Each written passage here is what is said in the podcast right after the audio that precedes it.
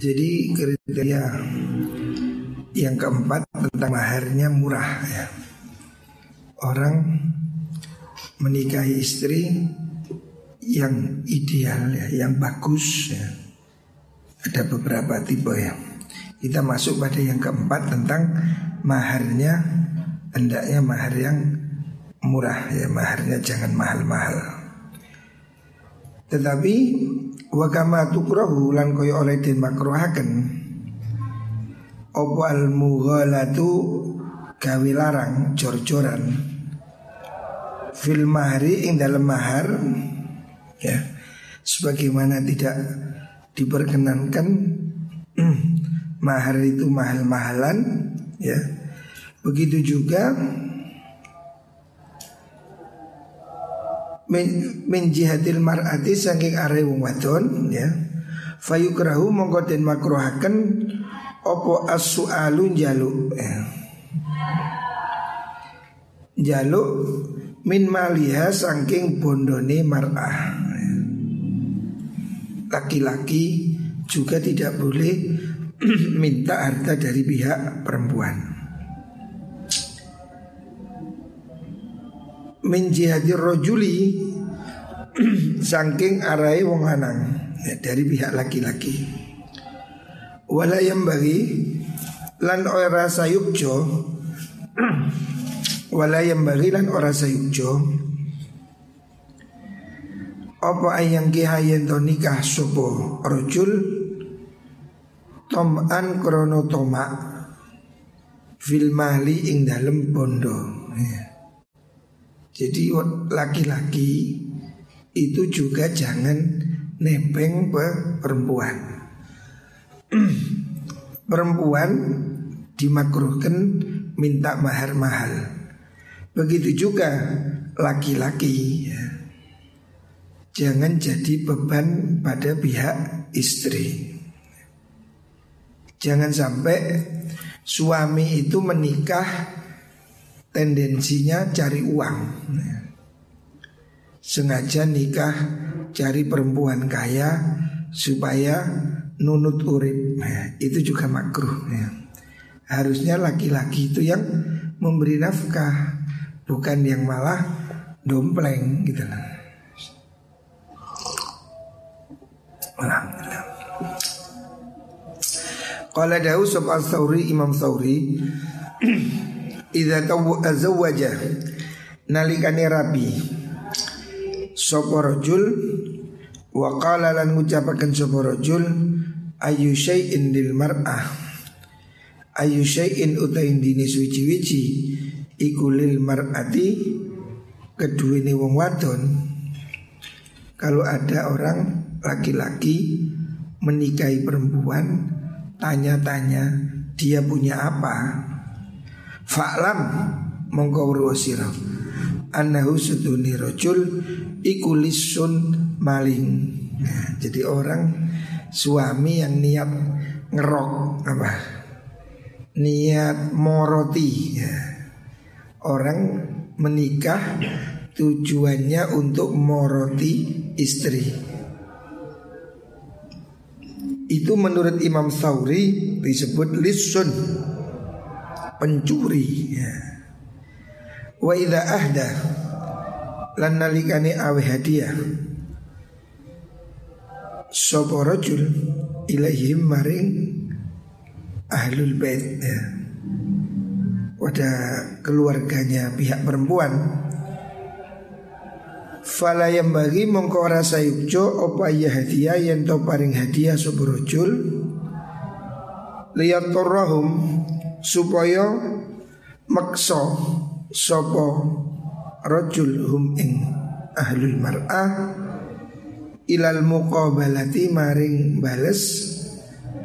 Bi aksaro kelawan luwi akeh minhu sangking menggunu ma'ahda.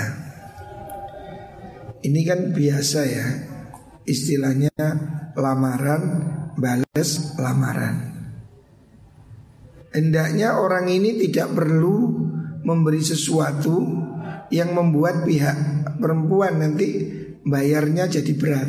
Umpamanya laki-laki ngasih harta senilai 1 M. Kan adatnya pihak perempuan juga balas 1 M. Nah kan berat nih. Ini kan di sebagian daerah ya. Di sebagian daerah itu ada. Pihak laki memberi sekian Pihak perempuan membalas sekian Itu apabila memberatkan itu tidak bagus ya. Wa kadzalika kaya mengkono layam bagi Ida ahdau nalikani paring hadiah sapa ahlul bait ilahi maring rajul faniyatu talabuz ziyadati mongko utawi niat nyuprih tambahan iku niyatun niat fasidatun kang rusak ya. Niat cari untung sama dengan buuan itu itu kan bisa memberi tapi minta imbalan. Nah, itu tidak bagus ya. Tapi kalau ikhlas memberi diberi tidak apa-apa ya.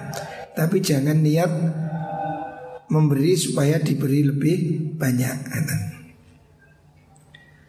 Fa'ammat tahadi Anapun utawi weh-wehan Artinya saling memberi Iku fa mustahabun mongko kang den sunahaken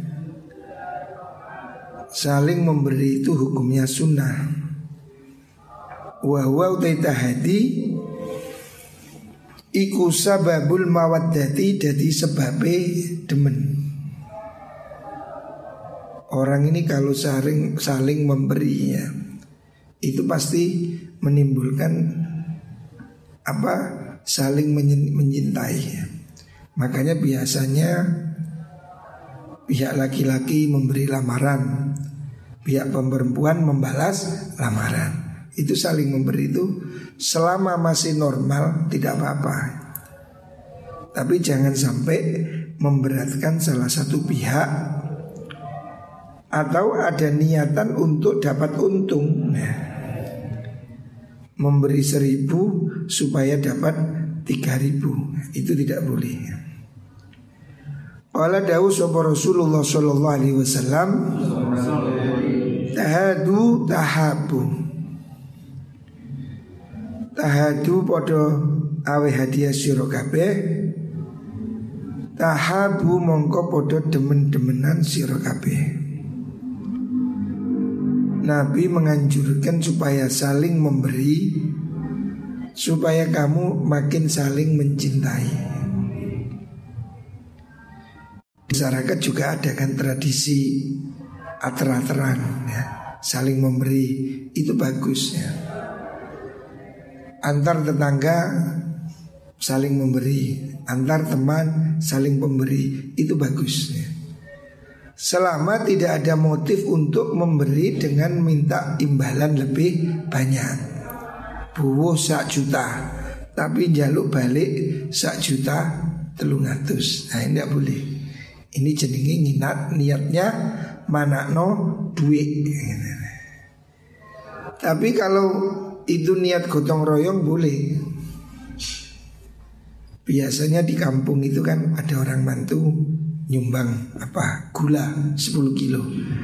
Besok kalau dia mantu Ngembalikan 10 kilo.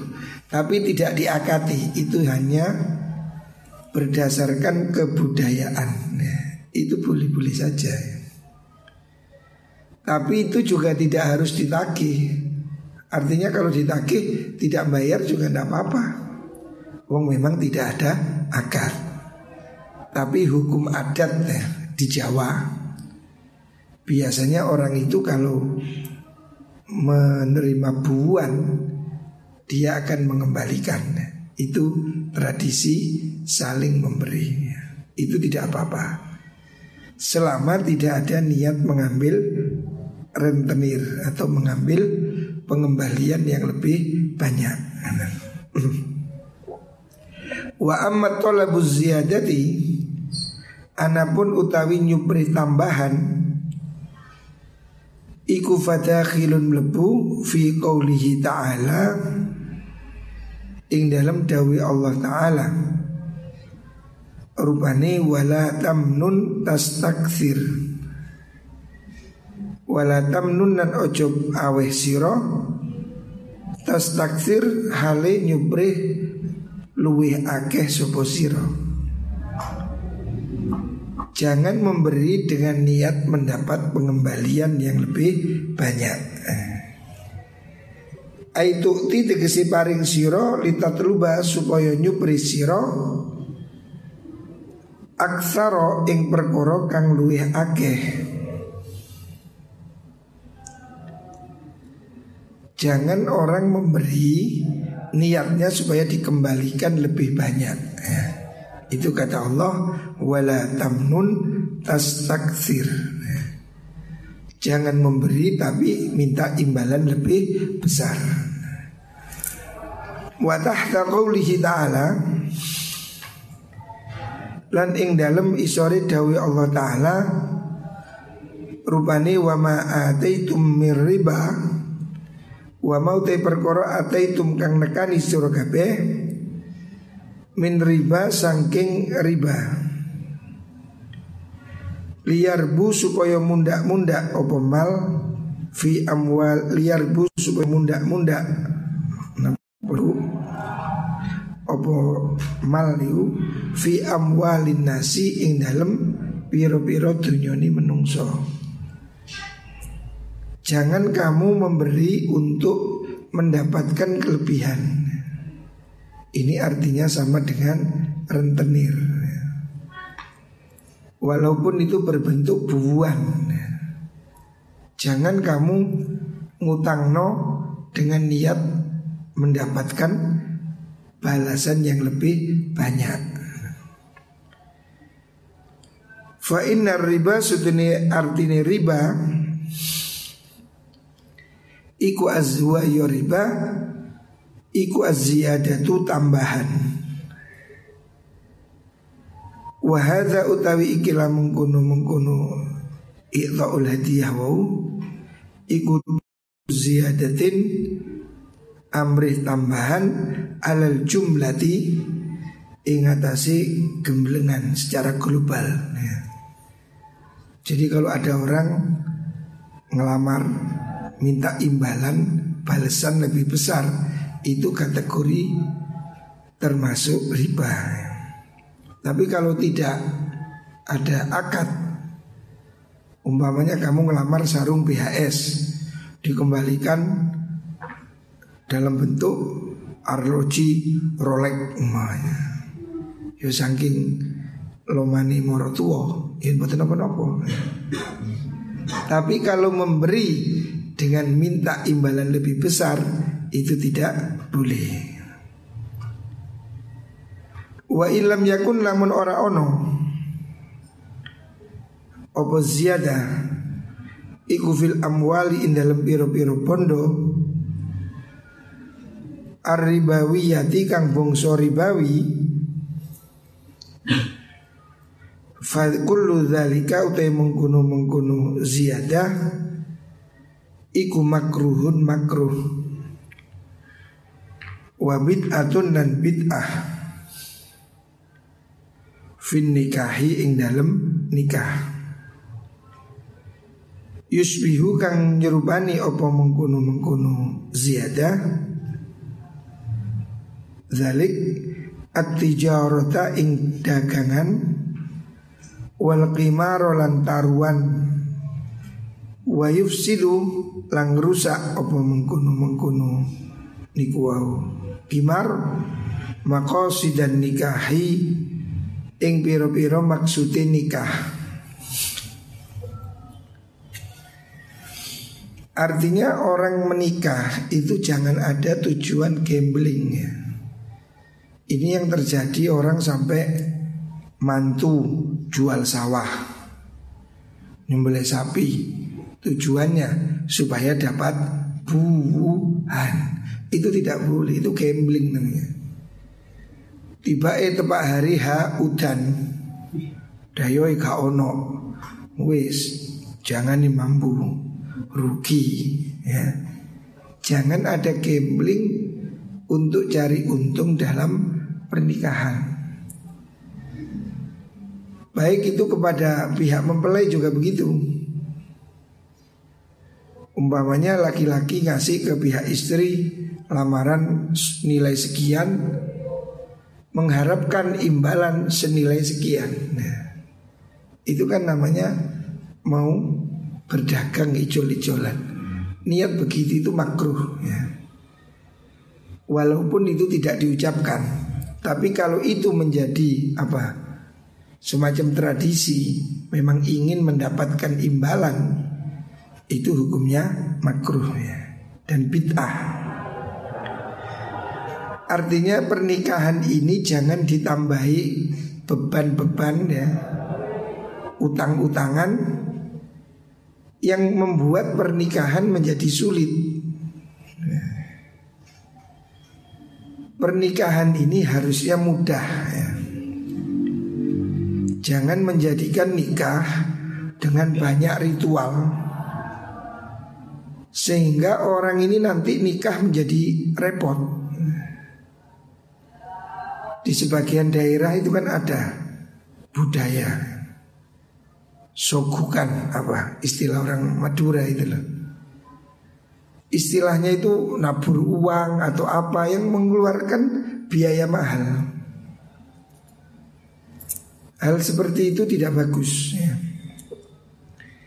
Sebab tujuan pernikahan itu litas gunung ilaiha. Supaya kamu menjadi tenang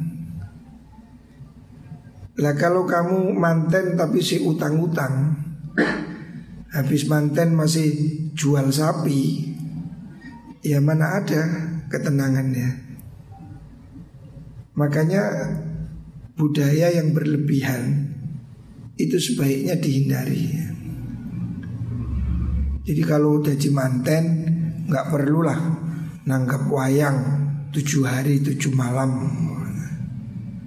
Lutruk telung dino dangdut dua hari tidak perlu. Kata Rasulullah Shallallahu Alaihi Wasallam, cukup menikah itu aulim walau bisyatin bikin walimah walaupun satu ekor kambing. Artinya semampunya saja.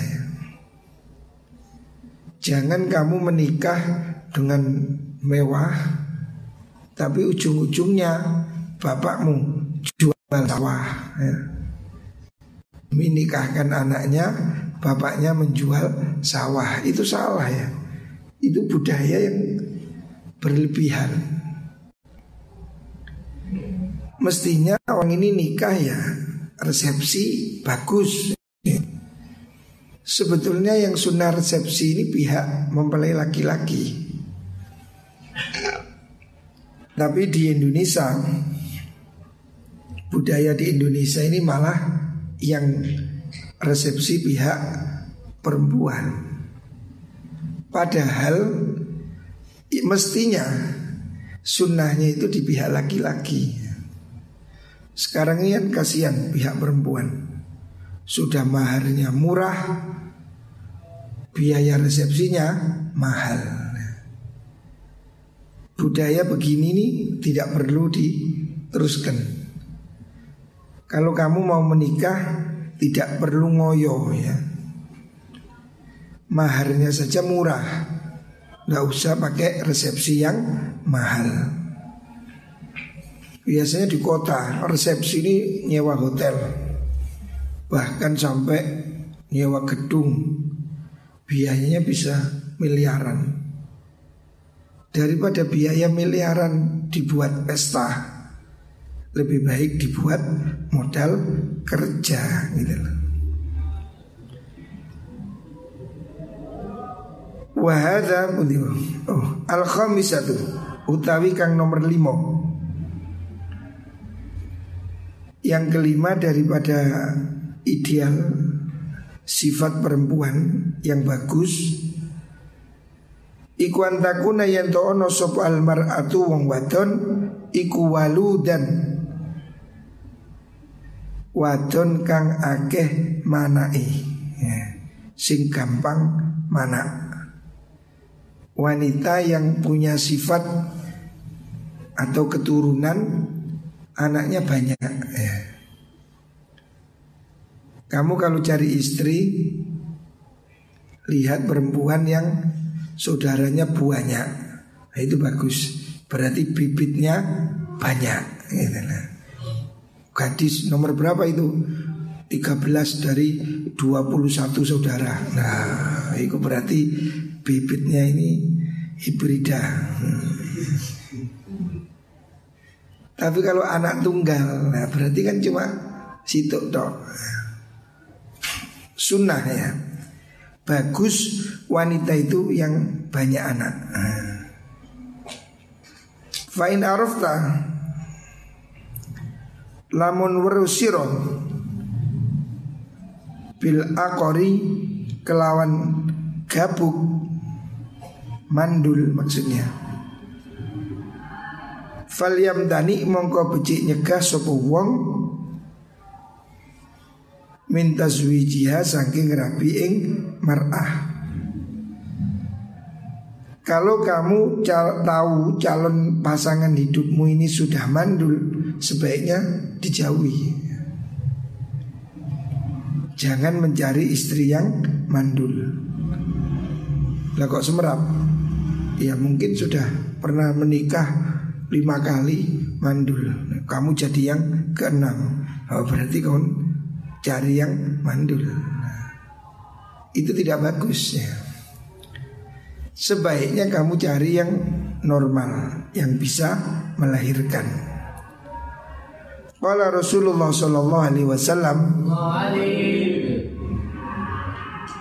Alaikum bil waludil wadud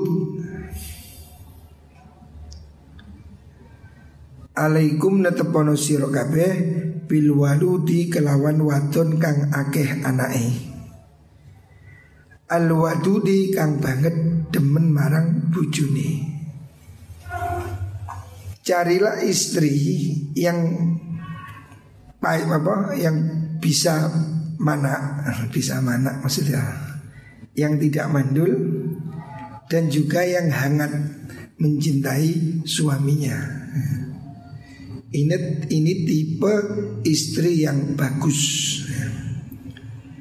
Fa yakun namun ora ono iku laha kedue mar'ah apa zaujun bojo walam yu'raf lan ora den weruhi apa haluha tingkai mar'ah mandul itu diketahui dari mana? Pertama diketahui dari pernikahan yang sebelumnya. Kalau sebelumnya sudah menikah beberapa kali dan tidak punya anak, berarti ada indikasi mandul. Lah kalau belum punya suami, fayura'a mongkoten rekso apa sehatuha kesehatan mar'ah wasyababuha lan sifat nomi mar'ah. Kalau kamu tidak tahu wanita ini mandul apa tidak, yang penting kamu lihat dia itu sehat. Ya. Lek ketok arek wedok wis ngeri-ngeriken loro-loron. Nah, itu kan indikasinya kurang subur. Ya. Tapi lek ketok arek wedok wis lemu glinu-glinu doyan mangan. Nah, itu berarti itu subur gitu. Itu berarti bibitnya bibit unggul Kuwede dukur lemu oh, Enak nih kok Artinya Gak keimangan sih lemu aja Jadi kamu pilih istri yang kelihatannya sehat Dan juga masih muda. Lah kalau istri sudah umur 60 kan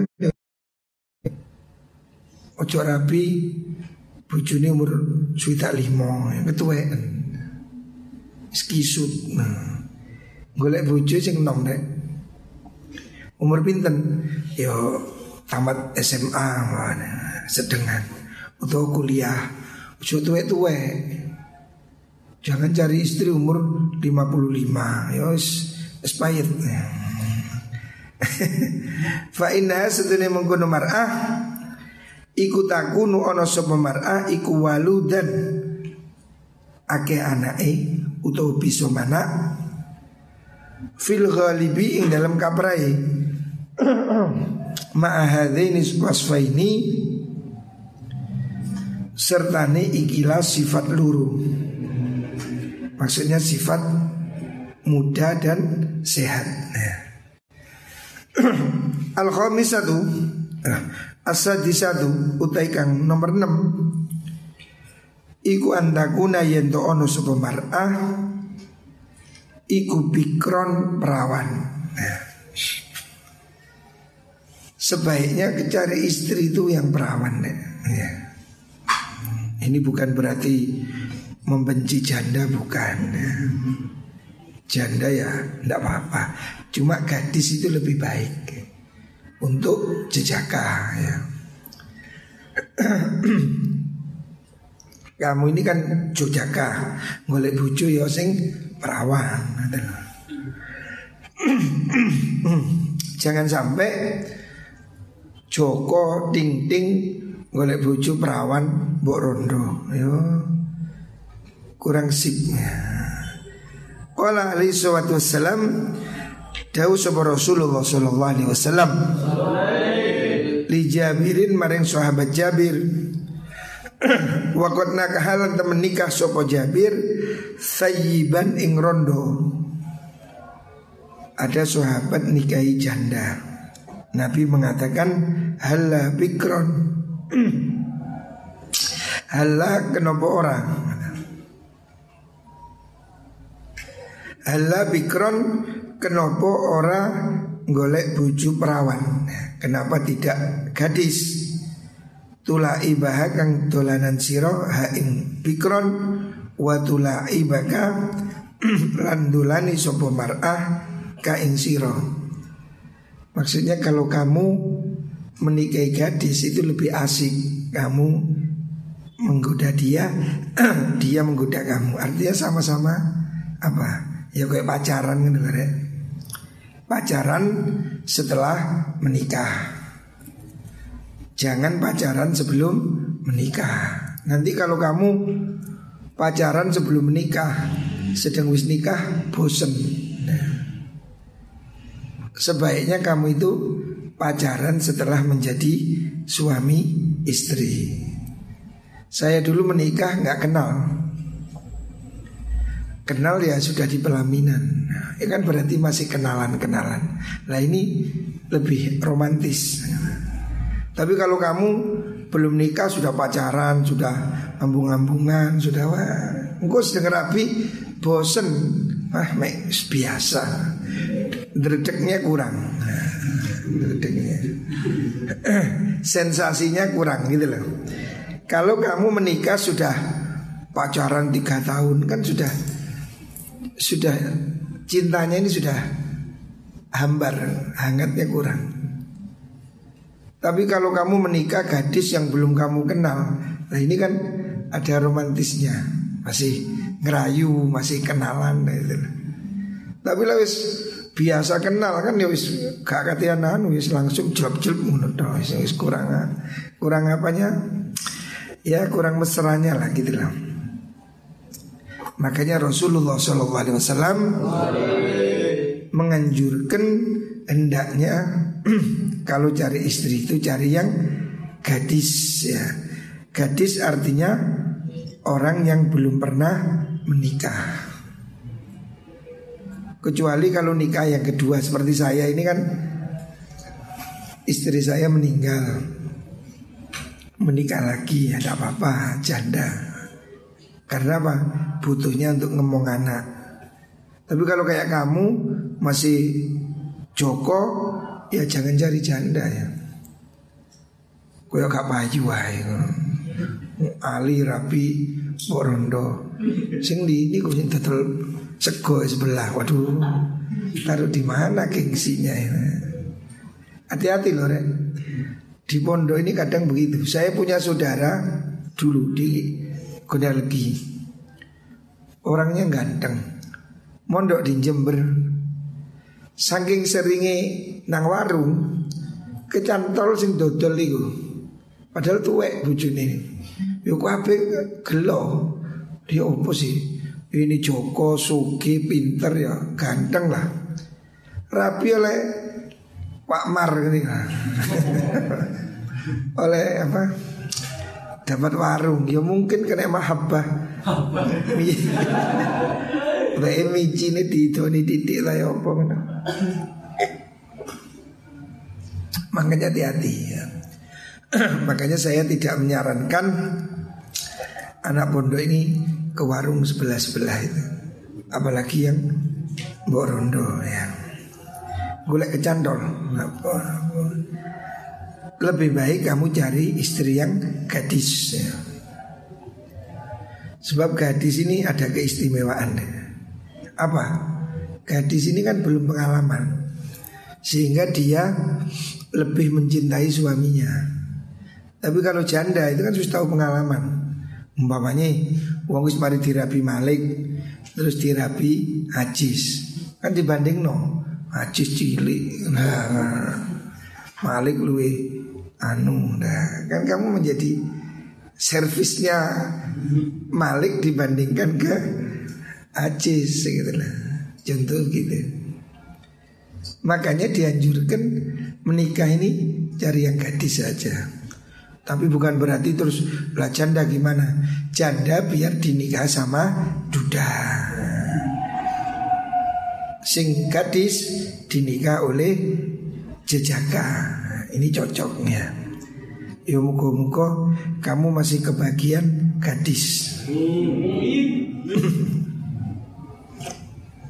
Saya khawatir Saya khawatir Zaman akhir ini Gadis makin langka Gadis yang asli loh ya Sing perawan loh Ini semakin langka Karena pergaulan bebas ini kan Semakin membahayakan Bahkan ada survei ya, nggak tahu benar atau enggak.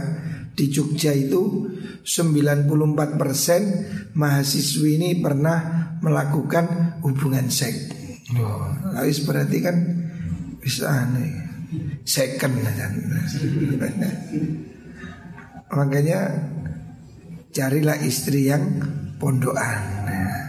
Muka-muka si keduman istri yang betul-betul gadis. Ojo sampai gadis rasa janda, oh, repot ini. Tapi harus gadis yang betul-betulan. Tapi yang lebih penting gadis ataupun tidak gadis kalau memang judulnya yang penting nomor satu dia harus beragama. Carilah istri yang ha Agamanya bagus Akhlaknya bagus Kalau rupanya bagus Itu lebih baik ya. Wis ayu Pinter Manut. Nah, Alhamdulillah. Ojo wis elek ketus Aduh Melasmen kan ya Muka semua dapat judul Solihin solihah